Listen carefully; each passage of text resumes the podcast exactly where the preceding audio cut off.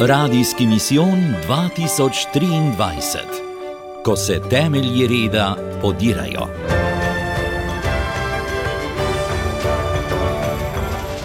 Drugi dan. Kaj more storiti pravični?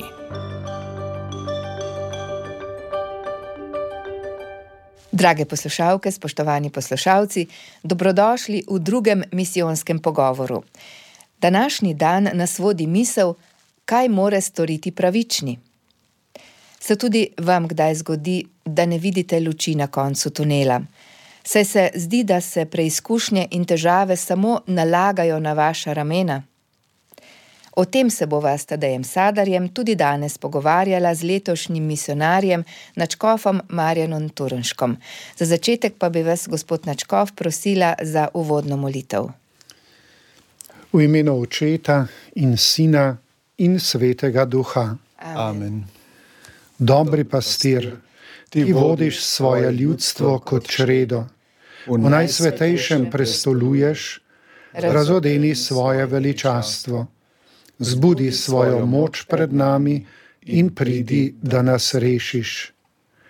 Pridi k nam, Gospod, Bog vsemogočni, pokaži nam svojo ljubezen in bomo rešeni. Amen. Amen. Uvodoma v današnji misijonski nagovor prisluhnimo odlomku iz Jobove knjige. Kolikšna pa je moja moč, da bi vzdržal, in kakšen je moj konec, da bi še potrpel? Mar je moja moč, kakor moč kamnov, ali je moje meso iz brona? Postal sem tisti, ki se mu njegov prijatelj posmehuje, ko pije k Bogu, da bi ga uslišal. Predmet posmeha. Svetilka, nadležna tistim, ki lagodno premišljujejo, postavljena za tiste, ki jim kleca noga. Uspevajo pa šotori roparjev in varna bivališča teh, ki izzivajo Boga, kakor je pač Bog pripravil svojo roko. Drža ponižnosti nam govori, da nismo samozadostni, da se sami ne moremo odrešiti. Toda to je šele začetek, potrebna je aktivnost. Vera ni zatočišče za ljudi brez poguma.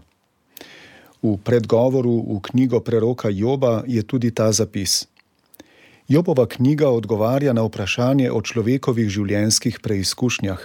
Vprašanje je zelo pomembno, kajti nobena huda preizkušnja ni človeku pretežka, če je smiselna.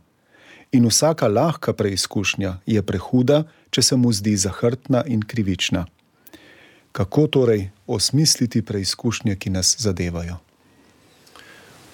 Ja, Job je gotovo en takšen primer, ki nam lahko malo pomaga eh, nadaljevati včerajšnji dan, ko smo razmišljali tudi o teh stiskah, eh, nadlogah, ki, nas, ki jih vsak dan tudi živimo, ki jih srečujemo v večji ali, ali manjši meri. Malo smo že včeraj nakazovali smer, kako to tudi sprejeti, videti, ne? ampak mislim, da je potrebno, da še to poglobimo danes, prav ob eh, tej zgodbi, življenjski zgodbi preroka Jona, preroka Joba. Morda za začetek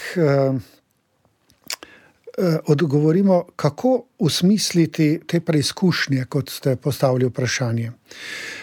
Dobro je ločiti med preizkušnjami in skušnjavami, ker to včasih zamenjujemo. Tudi v sami Jobovi zgodbi lahko po eni strani vidimo, da je Bog dovolil hodobnemu duhu, da je skušal Joba. Torej, skušnjava je nekaj, kar prihaja od hudega ne od Boga. Če Bog to, Bog kvečemo to dopusti. Ampak pri Jobu smo lahko, lahko vidimo, da je Bogu uspelo, ne, da je pomagal Jobu, da je te skušnjave spremenil v preizkušnje. Ker Bog pa je tisti, ki lahko preizkuša človeka. Torej, preizkušnja ni skušnjava, ker na nek način po božji dobroti koristi človeku. Preizkušnja torej koristi človeku. Namreč v tem smislu, da se v sebi utrjuje tega novega, po Bogu preustvarjenega človeka. Ali če hočete tistega prvotnega človeka, ki je živel v raju, predno je bil o, e, nekako pokvarjen z grehom.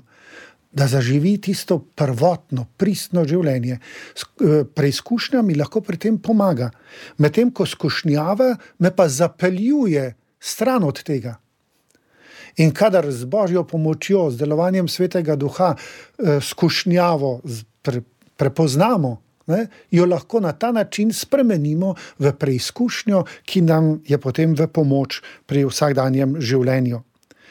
Eh, tudi mi, pravzaprav ljudje, včasih uporabljamo preizkušnje. Eh, tudi svetopismo pravi, da je prijatelja potrebno preizkusiti. Ne ne moreš takoj postati prijatelj z vsakim človekom, ki ti je všeč. Če takoj postanete prijatelja, je zelo nevarna zadeva. Ne, pravi, prijatelja je treba preizkušati. Uh, ampak to, to ne bo, ni nekaj slabega. Ne?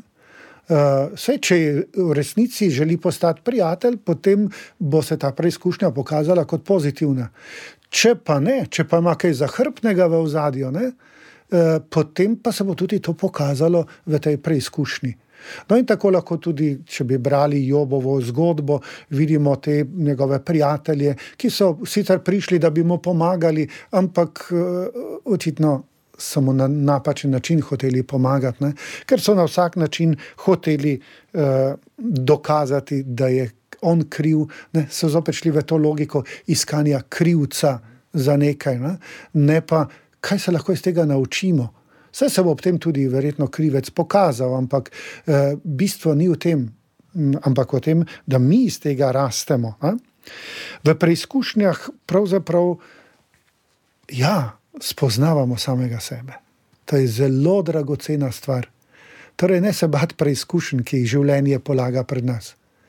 Zato, ker v preizkušnji pravzaprav spoznam, kaj sem sposoben, kaj spoznam svoje meje, Ne? Spoznam svoje sposobnosti in tudi svoje nesposobnosti. Glede, kako dragocena stvar je to. Ti, zakaj je to pomembno?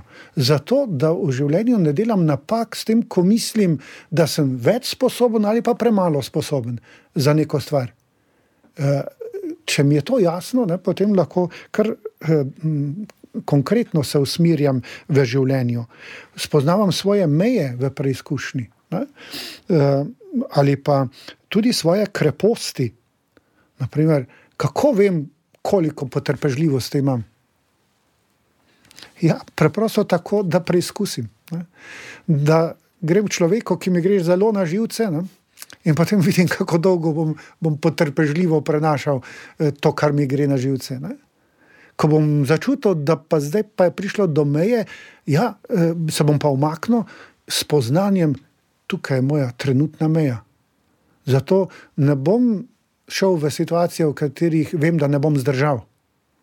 Ker če pa mislim, da sem jaz uh, najbolj močen, potem pa se ne bom uh, varoval situacij, v katerih bom potem znorel, me bo ven vrglo, kot rečemo, ne? ker nisem dovolj potrpežljiv. Ali še en vidik tega. Eh, te recimo, eh, preizkušnje, ne, je pa ta, eh, da se v njej tudi krepimo. Če hočete, pridobivamo duhovno kondicijo. Kot športnik. Ne. Športnik se mora tudi nalagati naloge, ne, preizkušnje, trenirati mora. Ne. In v duhovnem smislu so preizkušnje lahko tak trening. V tem treningu tudi se krepim v tej moči, da lahko naslednjič več vzdržim v neki določeni situaciji. No, pri tem pa bi rekel, da je izrednega pomena eh, pri Jobu, da vidimo njegovo ponižno držo. Ponižnost je krepost močnih, bi lahko rekli. In je izrednega pomena v našem življenju. Morda začnemo to razmišljanje, ki se mi zdi, da je vredno, da mu posvetimo kar nekaj, nekaj trenutkov z ugotovitvijo, ki nam jo daje papež Frančišek v svojem v svoji apostolski spodbudi veselite in radujte se. Eh, tukaj v njej namreč odgovarja eh, na to, kako naj kristjan odgovori na potrebe sodobne eh, družbe, v kateri živi. In najde pet takih značilnosti, recimo svetnika, ne? ker tisti, ki v tej družbi lahko kaj prenaša, je svetnik. Ne?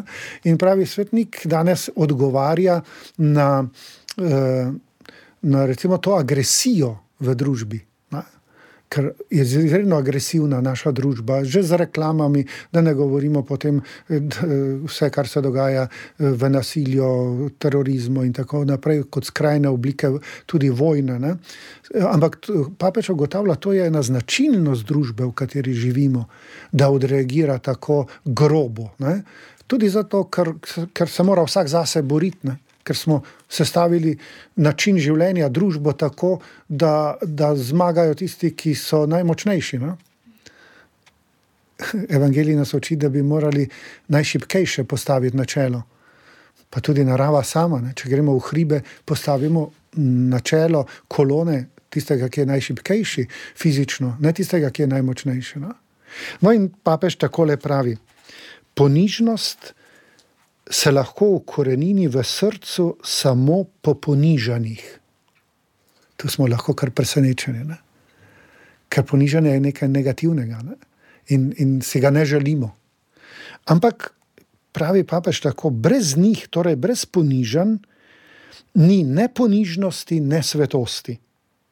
Če nisi sposoben prenašati kakšnega ponižanja, nisi ponižen in ne greš po poti svetosti.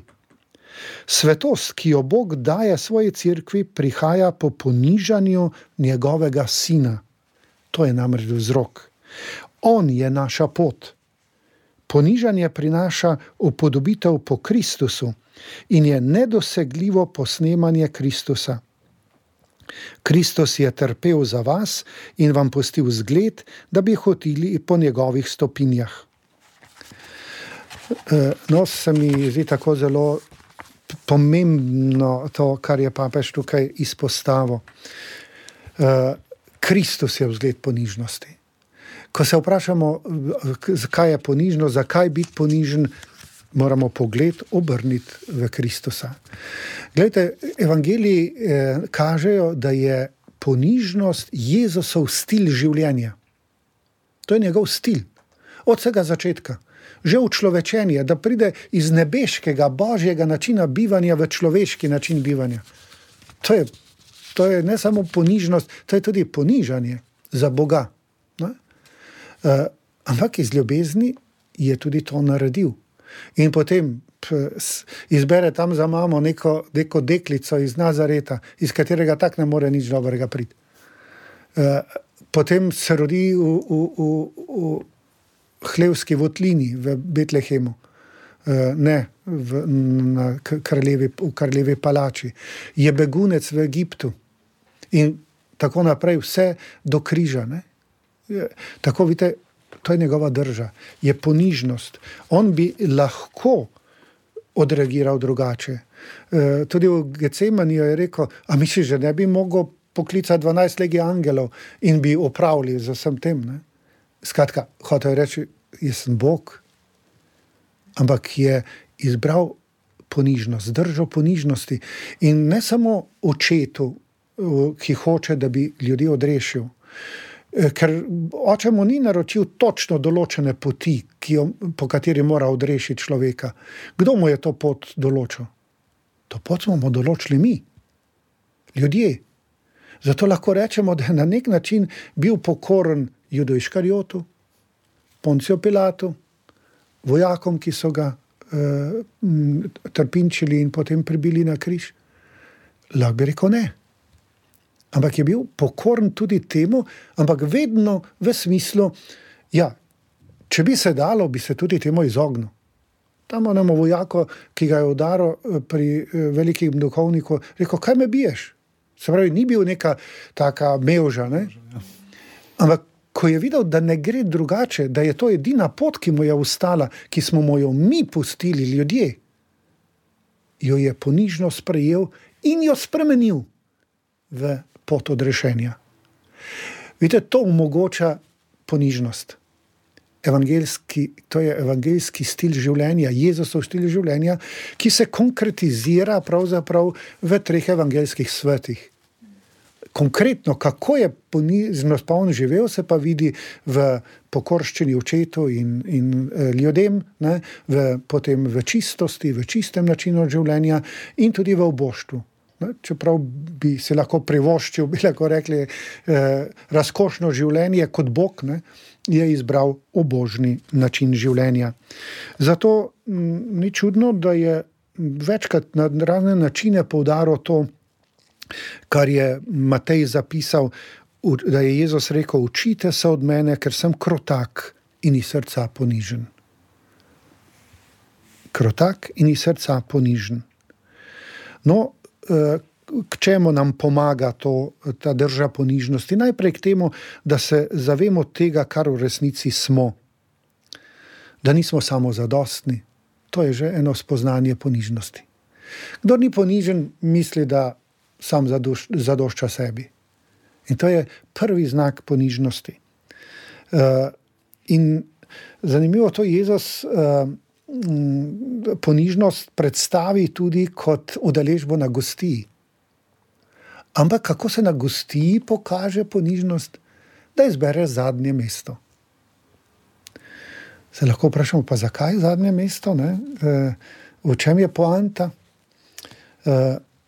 Eh, poanta je v tem, da je Jezus tam na zadnjem mestu. Jezus je izbral zadnje mesto. To je ponižnost. Smo, ko smo že prej Betlehem, izgnanstvo, križ. Ne, to, to je zadnje mesto. Biti uh, razbojnik, biti razbojnik med razbojniki na koncu življenja. To je zbrati zadnje mesto. Um, seveda tudi v tem duhovnem smislu, tudi v moralnem smislu. Ne?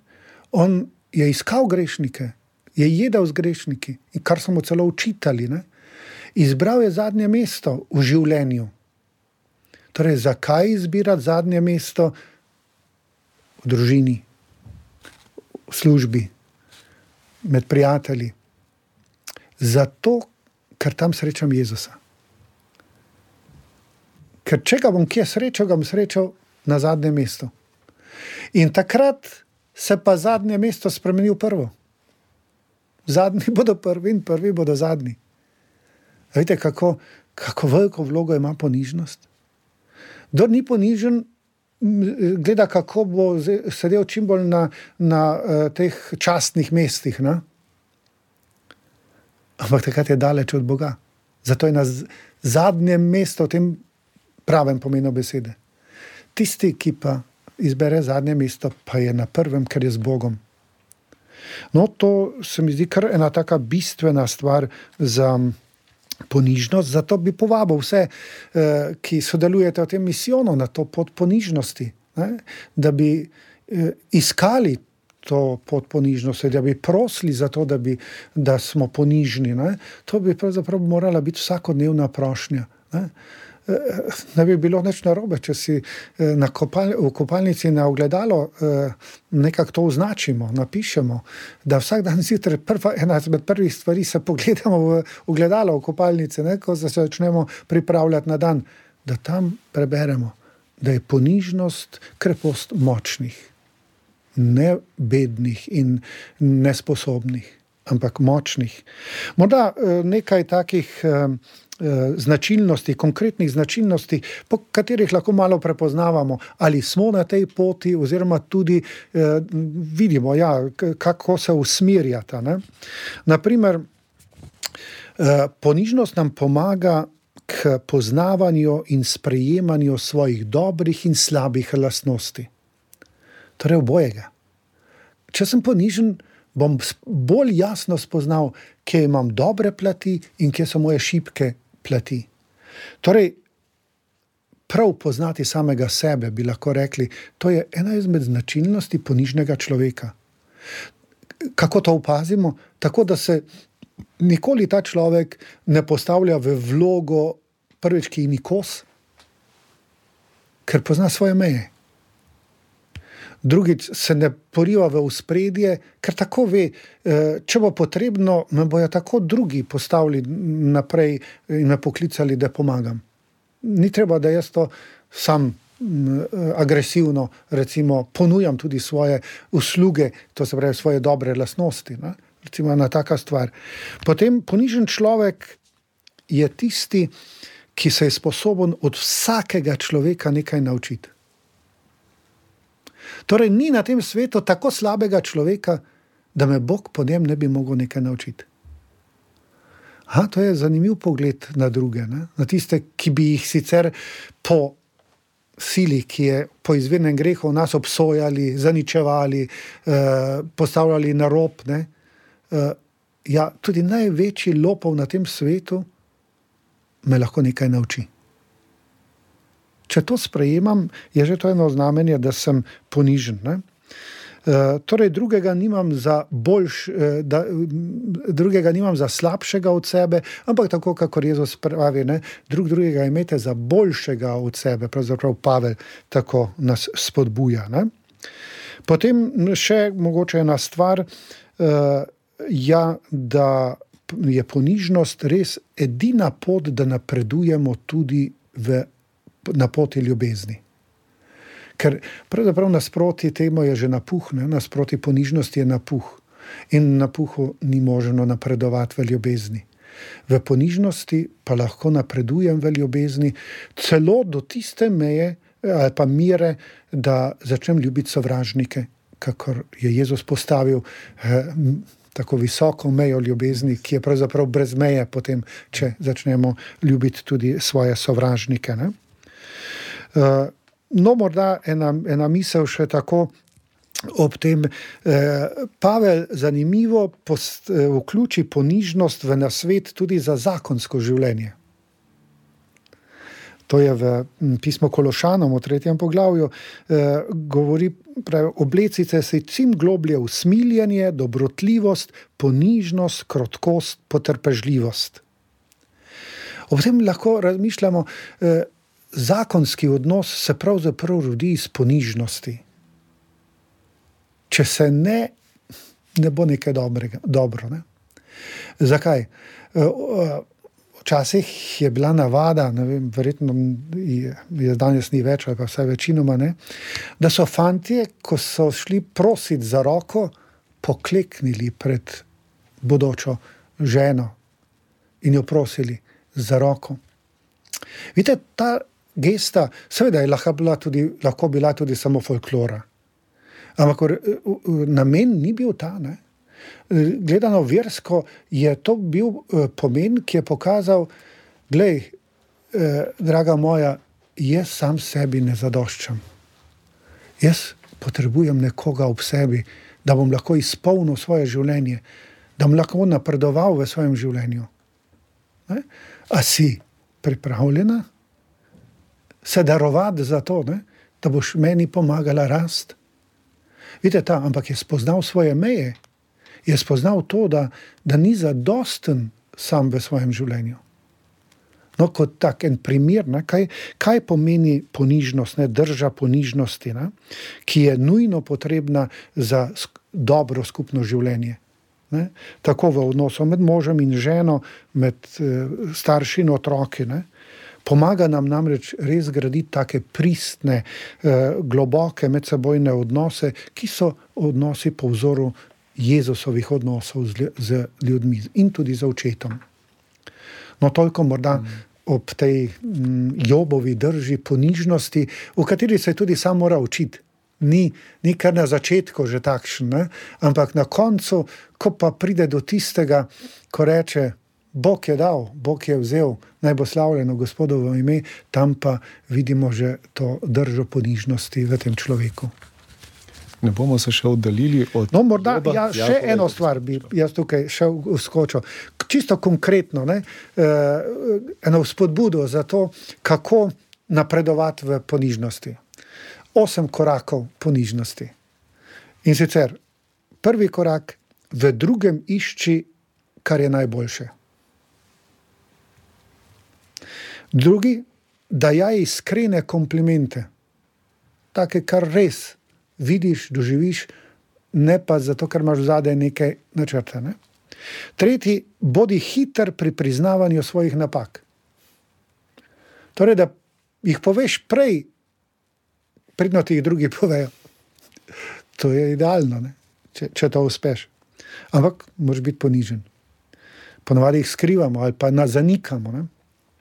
Četrti korak, prvi se upraviči zaradi nastalega prepira. Tudi če misliš, da je kriv drug.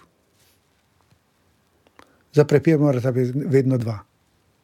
Zato tudi Jezus pravi, če pred oltarjem ugotoviš, da ima tvoj brat kaj zoper tebe, pusti dar tam, pojdi in se spravi. Peti korak, priznaj svojo majhnost in nezadostnost. Šesti, služi drugemu, ne sebi. Sedmi, vsak dan se nauči česa novega v ljubezni. Naj dan ne mine, da si ne bi izmislil, enega novega načina, kako pokažeš ljubljeni osebi svojo ljubezen. Ali pa bližnjemu, ki ga srečaš. Uh, in zadnji korak, Bogu se zahvali za vse, kar je v tebi dobrega, in za vse dobro, ki ga storiš z njegovo pomočjo. No, toliko mogoče kot čisto konkretno pot uh, k uh, ponižnosti. To in pa napis na ogledalu. In pa opis na ogledalu. Reče, se za trenutek še pomodimo pri Jobu. Postal sem tisti, ki se mu njegov prijatelj posmehuje, ko upije k Bogu, da bi ga uslišal. Predmet posmeha, svetilka nadležna tistim, ki lagodno premišljujejo. Tudi ta stavek je iz časov Joba in pa aktualen vse do danes. Kako zdržati ta posmeh, množice, družbe in kdaj se odločiti za Kristusovo navodilo, če vas ne sprejmejo, otresite prah z nog. Ja, spada zraven, bi preprosto lahko rekli. Posmehovanje spada k krščanskemu življenju. Že večkrat smo ugotovili, da živimo v svetu in v družbi, ki je pokvarjen, od izvirnega greha naprej. In ta svet ne more z lahkoto sprejeti nekaj božjega. Kakor hitro se nekaj božjega pojavi v svetu zla, se bo zlo manifestiralo na tak ali drugačen način. Ko se je Jezus pojavil nekje in če je bil tam če, hodobni duh, ki je koga obsedel, ni mogel biti tiho, se je javil. Ne? In začel učitati ali pa posmehovati, karkoli. Ne? Skratka, gledajte, eh, ko postanem za res kristjan, ko začnem kot kristjan živeti, moram na to računati. Ker je ne mogoče, da tega ne bi eh, doživel. Zato, ker eh, hodim po Jezusovi poti in njegova pot je to vsebovala. Zato ne se bat. Nasprotno bi lahko, rekli, bi lahko rekel, če ne doživljaš posmehovanja, kdaj in nasprotovanja, potem nekaj s tvojim krščanskim življenjem ni v redu. Torej, tako v duhovnem smislu je lahko to tudi, ne rečem, da je to vedno in, in samo to, ne, ampak da je to tudi ena izmed, uh, uh, izmed pokazateljev, da si na pravi poti. No, tako učitelji duhovnega življenja uh, večkrat to poudarjajo. Skošnjave, veste, nimajo, ali pa največjih skošnjav nimajo. Uh, Taki, ki se niti ne trudijo za krščansko življenje. Ampak bolj, ko so sveti ljudje, večje skušnjave imajo. Pomeni, takrat se hodobni duh bolj trudi, da bi da bi mu nasprotoval, da bi ga zaustavil na tej poti. Seveda so tudi bolj prefinjene. No, tako, tako lahko tudi to razumemo, ne? da uh, ja, uh, božji način življenja iritira tiste, ki ne živijo tako. In zato agresivno odreagirajo na drugega. Uh, tako je Jezus tudi pri blagrih, se mi zdi, na koncu povzel to resnico, ki je rekel: Blagor, kadar bo, vas bodo zaničevali zaradi mojega imena, o vas eh, grdo govorili, ne, in tako naprej. Ali pa pri Luku, gorje vam, kadar bodo vsi dobro o vas govorili. Ne? Ker to je že nevarno, če, če samo dobro o človeku govorijo. Ne? Pravzaprav je ta zadnji blagor Jezus povzel celoto sporočila blagrov. Ki, in, in zanimivo je, je, kot v povzetku je to blagor vam, kadar bodo zoper vas zaradi mojega imena ravnali tako, pa tako, pa tako. Veselite se takrat. ne, to, to je zdaj. Pa res, res milost, ne? da se lahko takrat, ko se ti posmehujejo, eh, veseliš tega.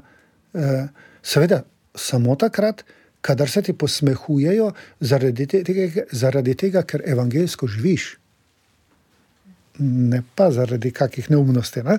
tisto ne spada zraven. Ne?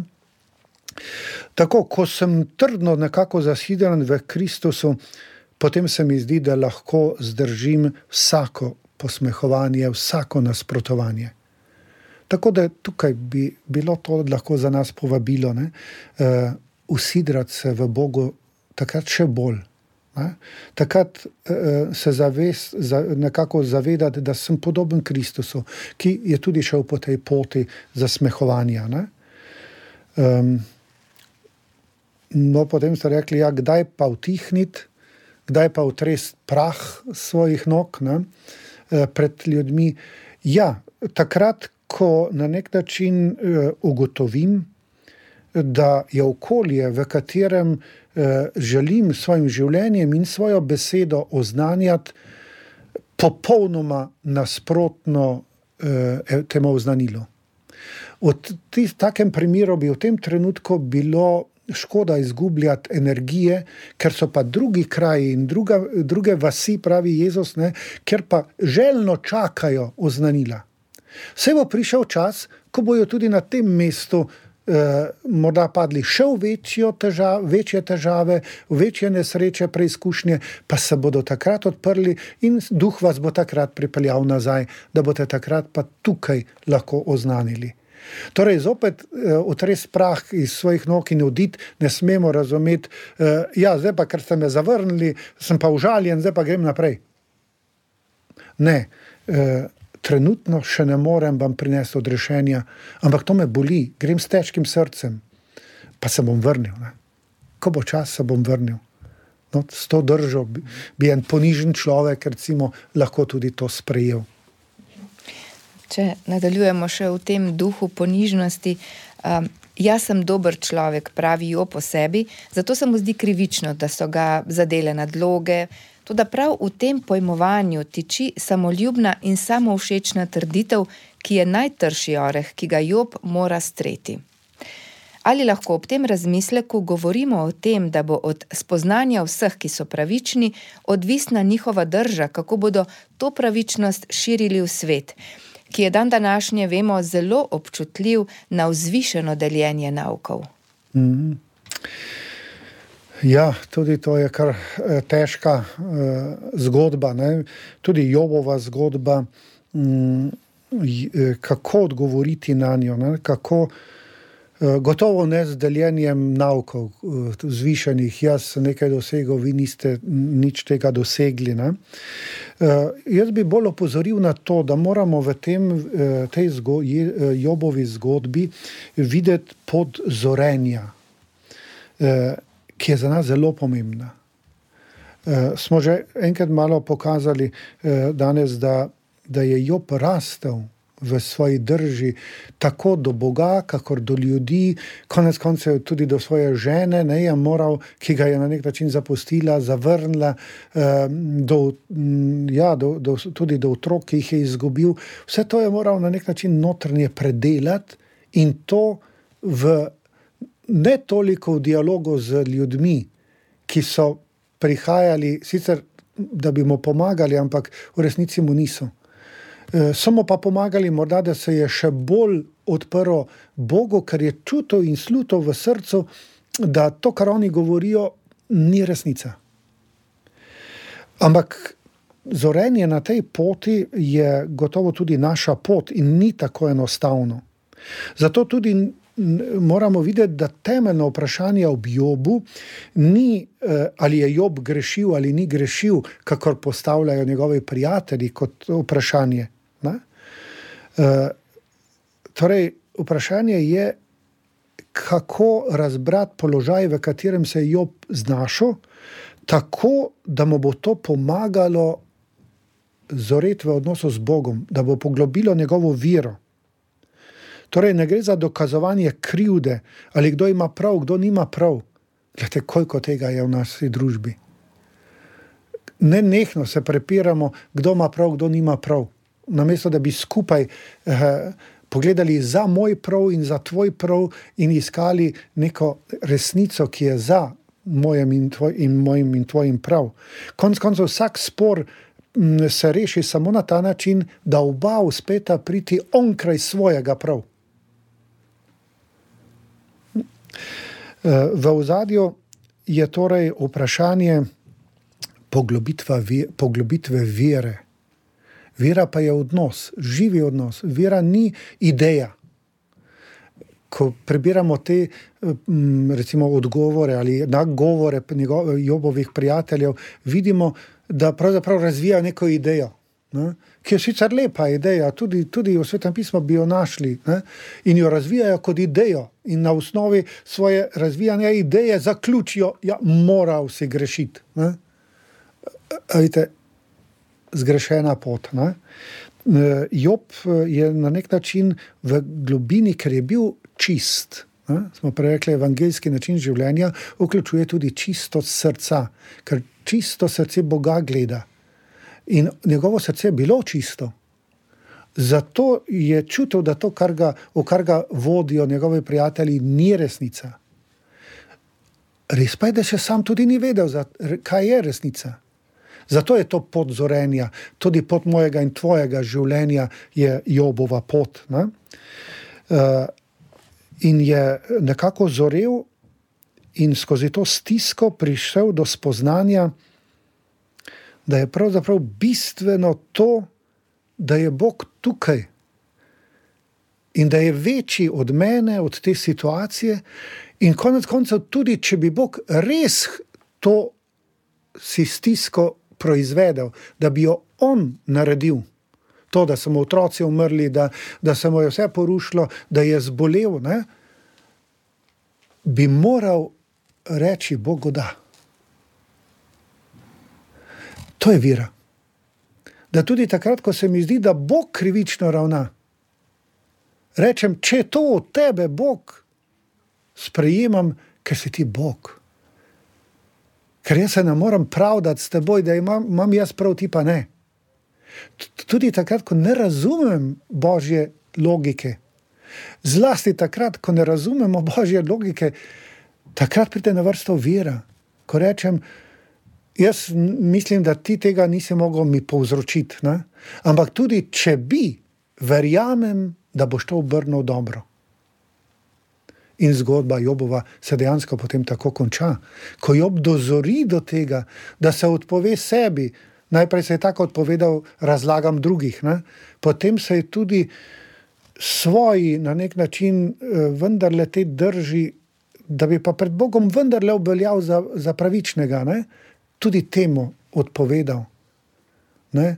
in sprejel, konec koncev, vse nič nimam od samega sebe. Golo življenje sem prejel od Boga kot dar, in na zadnje mu bom lahko se samo z golim življenjem izročil. Bog je dal, Bog je vzel, naj bo hvaljeno Gospodovo ime. Vite, je dozorel do tega, da, da je začel slaviti Božje ime, torej Boga, v kakršni koli situaciji se je znašel.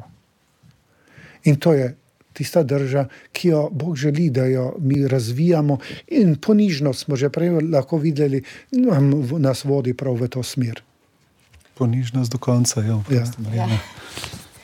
To, poglejte, v znamenitem dokumentu iz Aparecide, ki zadeva Latinsko Ameriko, aktualna pa je za vso crkvo, je tudi zanimiva misel, da verniki iz katoliške cerkve ne odhajajo drugam, ker druga crkva drugače uči, ampak zaradi tega, kar tista crkva živi. Gre tukaj tudi iskati Jobov greh, ki je bil navidezno popoln, ni pa se zavedal nadutosti. Ja, gotovo lahko tukaj sporednice tudi povežemo, ne? čeprav eh, dejansko mislim, da ni glavna težava pri Jobu bila nadutost, ne? ampak dejansko to enostavno človeška omejenost, ki mora zoreti, rast, se razvijati. Ne? Tudi če bi samo dobri bili, ne? bi se morali razvijati. Tako si tudi predstavljamo rajsko stanje, ne, to prvotno stanje pred grehom. Če se grehov, ne bi, greh ne bi zgodil, da bi človeštvo živelo v zgodu, celo zgodovino v rajskem stanju, to ne pomeni, da se človek ne bi razvijal. Telesno, duševno in duhovno. Tudi tam bi človek moral dozoreti do neke stopnje duhovne nezrelosti, ko bi ga Bog lahko prevzel v večno bivanje s seboj ker rajsko stanje to. Pred grehom ne, ni bilo nebeško stanje, ampak to je bilo zemeljsko stanje, ampak brez greha. In Bog je ustvaril in ga postavil v ta vrt, edenski vrt, zato da bi tam dozorel do tiste stopnje, ko bi ga lahko vzel nebesa, po domače rečeno. Ne. No, tako moramo tudi mi pravzaprav tukaj zoredbi. Eh, tako jaz bolj tu vidim Jobovo zgodbo. Ne toliko, da, da je nek napuh bil v njem, ampak eh, da je moral dozoreti do tega, da je prišel do pravega uvida in zato tudi potem lahko prepoznal to, to situacijo, v kateri se je znašel. Eh, ja, glede, glede tega, te. Eh, tega prehajanja, ne, zakaj verniki gredo. Ja, jaz se strinjam s tem, eh, da gredo za, ne zaradi ideje, ampak da gredo zaradi življenja, ki ga vidijo. In to se ujema s tem, kar je eh, v apostolskih delih. Ne, in kar je tam vidimo, da niso kristijani najprej šli oznanjati, ampak da so najprej živeli to, kar jim je Jezus zapustil. E, in najprej so ljudje to videli, gledajte, kako se ljubijo med seboj, obogega ni med njimi. In šele potem, ko so to začutili, so jim kristijani lahko začeli pripovedovati o Jezusu in zakaj živijo tako, kakor živijo in odkot dobivajo e, to moč. Ne? Se mi zdi, da tudi to, če se to tudi nam, katoliški cerkvi, to dogaja je to samo znamenje tega, da na nek način ne sledimo temu evangeljskemu vzgledu prvih kristijanov. In je to lahko klic k temu, da se vrnemo nazaj. In to je namenjeno ne samo zdaj eh, kristijanom v Južni Ameriki, no? ampak se, se tudi nam to dogaja, se tudi v naših družinah to dogaja. Koliko krat tako mi starši se pritožujejo ali pravzaprav bolj eh, žalost iz, izražajo, jokajo, eh, da so vzgajali svoje otroke v krščanskem duhu, zdaj so pa odšli čisto nekam drugam. Ja, zakaj? Zato, ker so tam zagledali eno življenje, ki se jim je zdelo pristno. Zdaj, a so imeli privid, eh, a so zares, eh, je tam bilo kaj, gotovo je kakšna stvar tam bila. Bolj privlačna, tudi ne samo v tem slabem pomenu besede, ampak da so res kako stvar uh, videli, da je boljše živeti, kakor recimo v župniji. Ne? In zato uh, ni, ni čudno, ne, da, da so recimo naredili ta korak. Ampak mi pa se lahko ob tem ustavimo in, in rečemo, Eh, ne najprej učitati, zakaj ste odšli in kam ste odšli, kako ste mogli, ampak najprej poglobiti sebe. Ja, jaz želim najprej globlje zaživeti evangeljske resnice, evangeljske vrednote. No, to bi bil odgovor, eh, recimo, staršem, ki me sprašujejo, kaj naj naredimo.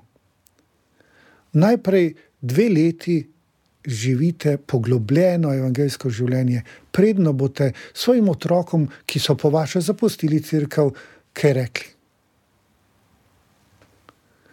In to takrat, ko, bodo, ko boste začutili, da jih je to, ta sprememba v vas, začela zopet pritegovati. No, bi je, na, na tak način bi jaz eh, nekako odgovoril na, na ta izziv, ki je gotovo velik izziv. Eh, pa ne rečem, da je to vedno samo po, po pravici ali upravičeno, ampak tudi zato, ker svet, eh, torej drugi okrog nas, kot privid prikazujejo nekaj. Nekaj pristnega, ampak je, je privid, če ni v skladu z res tem razodetim naukom ali pa razodetim pogledom na, na svet, na stvarstvo, na človeka, na medsebojne odnose. Hkrati se pa treba tudi to zavedati in tudi priznati, da dejansko teh vrednot ne živimo samo kristijani. Da tudi evangeljske, božje, torej te razodete vrednote, eh, živijo tudi drugi. Mm, ne smemo tega zanikati, oziroma eh, bi bilo to krivično, če bi rekli, da samo mi smo sposobni živeti. Ne? Gotovo pa je prav, da se zavedamo, da pa imamo mi še nekaj več razlogov in motivov, in tudi moči, milosti za to, da to živimo, kakor imajo drugi, ki nimajo osebnega odnosa z Kristusom. Papež Frančišek je na srečanju mladih v Riju izrazil željo, da bi crkva šla na ulice, se obranila posvetnosti in udobja in zaprtosti same vase. Sicer pravi, bomo zgolj nevladna organizacija. Stopiti danes na ulico pa je zelo nevarno, že nekaj nepremišljenih besed lahko iz tebe naredi objekt posmeha brez moči spreobračanja ali te celo spravi za zapahe. Tako so redki, ki si zaradi napora izbiranja pravih besed so raje tiho. Kako izstopiti iz tega začaranega kroga, ki je več kot zgolj strah pred zavrnitvijo? Ja, jaz bi najprej rekel tako. Eh, najprej eh, ne verjeti, da v taki situaciji ne moreš nič narediti.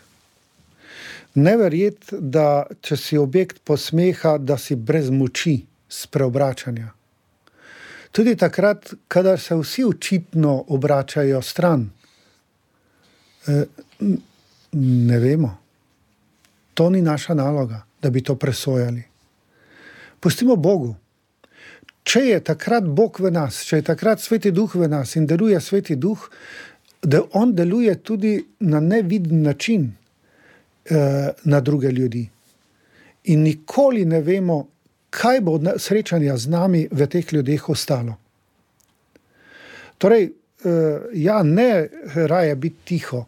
Seveda, raje biti tiho, kdaj je tudi to aktualno, predvsem z verbalnimi besedami, biti tiho ne pa biti tiho svojo držo, svojo, svojim življenjem, svojim načinom življenja. Tukaj pa beg ni rešitev, ne? beg ni rešitev v tem smislu. Uh, Že prej smo malo razmišljali, eh, odhod je rešitev samo takrat, ko vidim, da v tem trenutku nima smisla ustrajati, ker bom samo še poslabšal situacijo teh ljudi, ker bodo še bolj jezni, kot so bili prej. Ne, ali pa uh, še več zla bo v njih se sprožilo, večja silna, sprotna sila. Uh, takrat je dobro se umakniti, ne, kot, smo, kot smo že rekli. Ja, iti na ulice, na obrobja, to ima veliko pomenov. Ne. Eh, je ena eh, oblika, ki jo papež Frančišek pogosto uporablja ne, in nas od vsega začetka nas, že, nas vabi eh, na ulico, nas vabi na obrobja, nas vabi, da ostanemo s kavčev, da ne mhm, zagreznemo v, v kavče. Ne. Dobro bi bilo o tem malo bolj razmišljati, kaj lahko vse to pomeni. Ne ja, če bomo šli na ulico kar tako in tam začeli ustavljati ljudi in jim nekaj pridigati, se bodo seveda uprli. Ne? Ampak to ni pravi, ni pravi način. Um, uh, ja, uh, lahko pa na ulici v neki situaciji ravnam drugače, kako ravnajo drugi. To je iti na, najprej na ulico. Ne najprej pocukati za rokav in začeti govoriti in prepričevati nekoga, naj vendar le gre v crkvo. No, tudi to je lahko kdaj v kakšni situaciji eh, primerno, da človeka povabiš, eh, naj stopi v crkvo, ampak to mora biti že posebna okoliščina. Ne? Drugače je pa najprej to, da v vsaki situaciji, v kateri se kot kristjan znajdeš, odreagiraš drugače, kakor odreagira večina.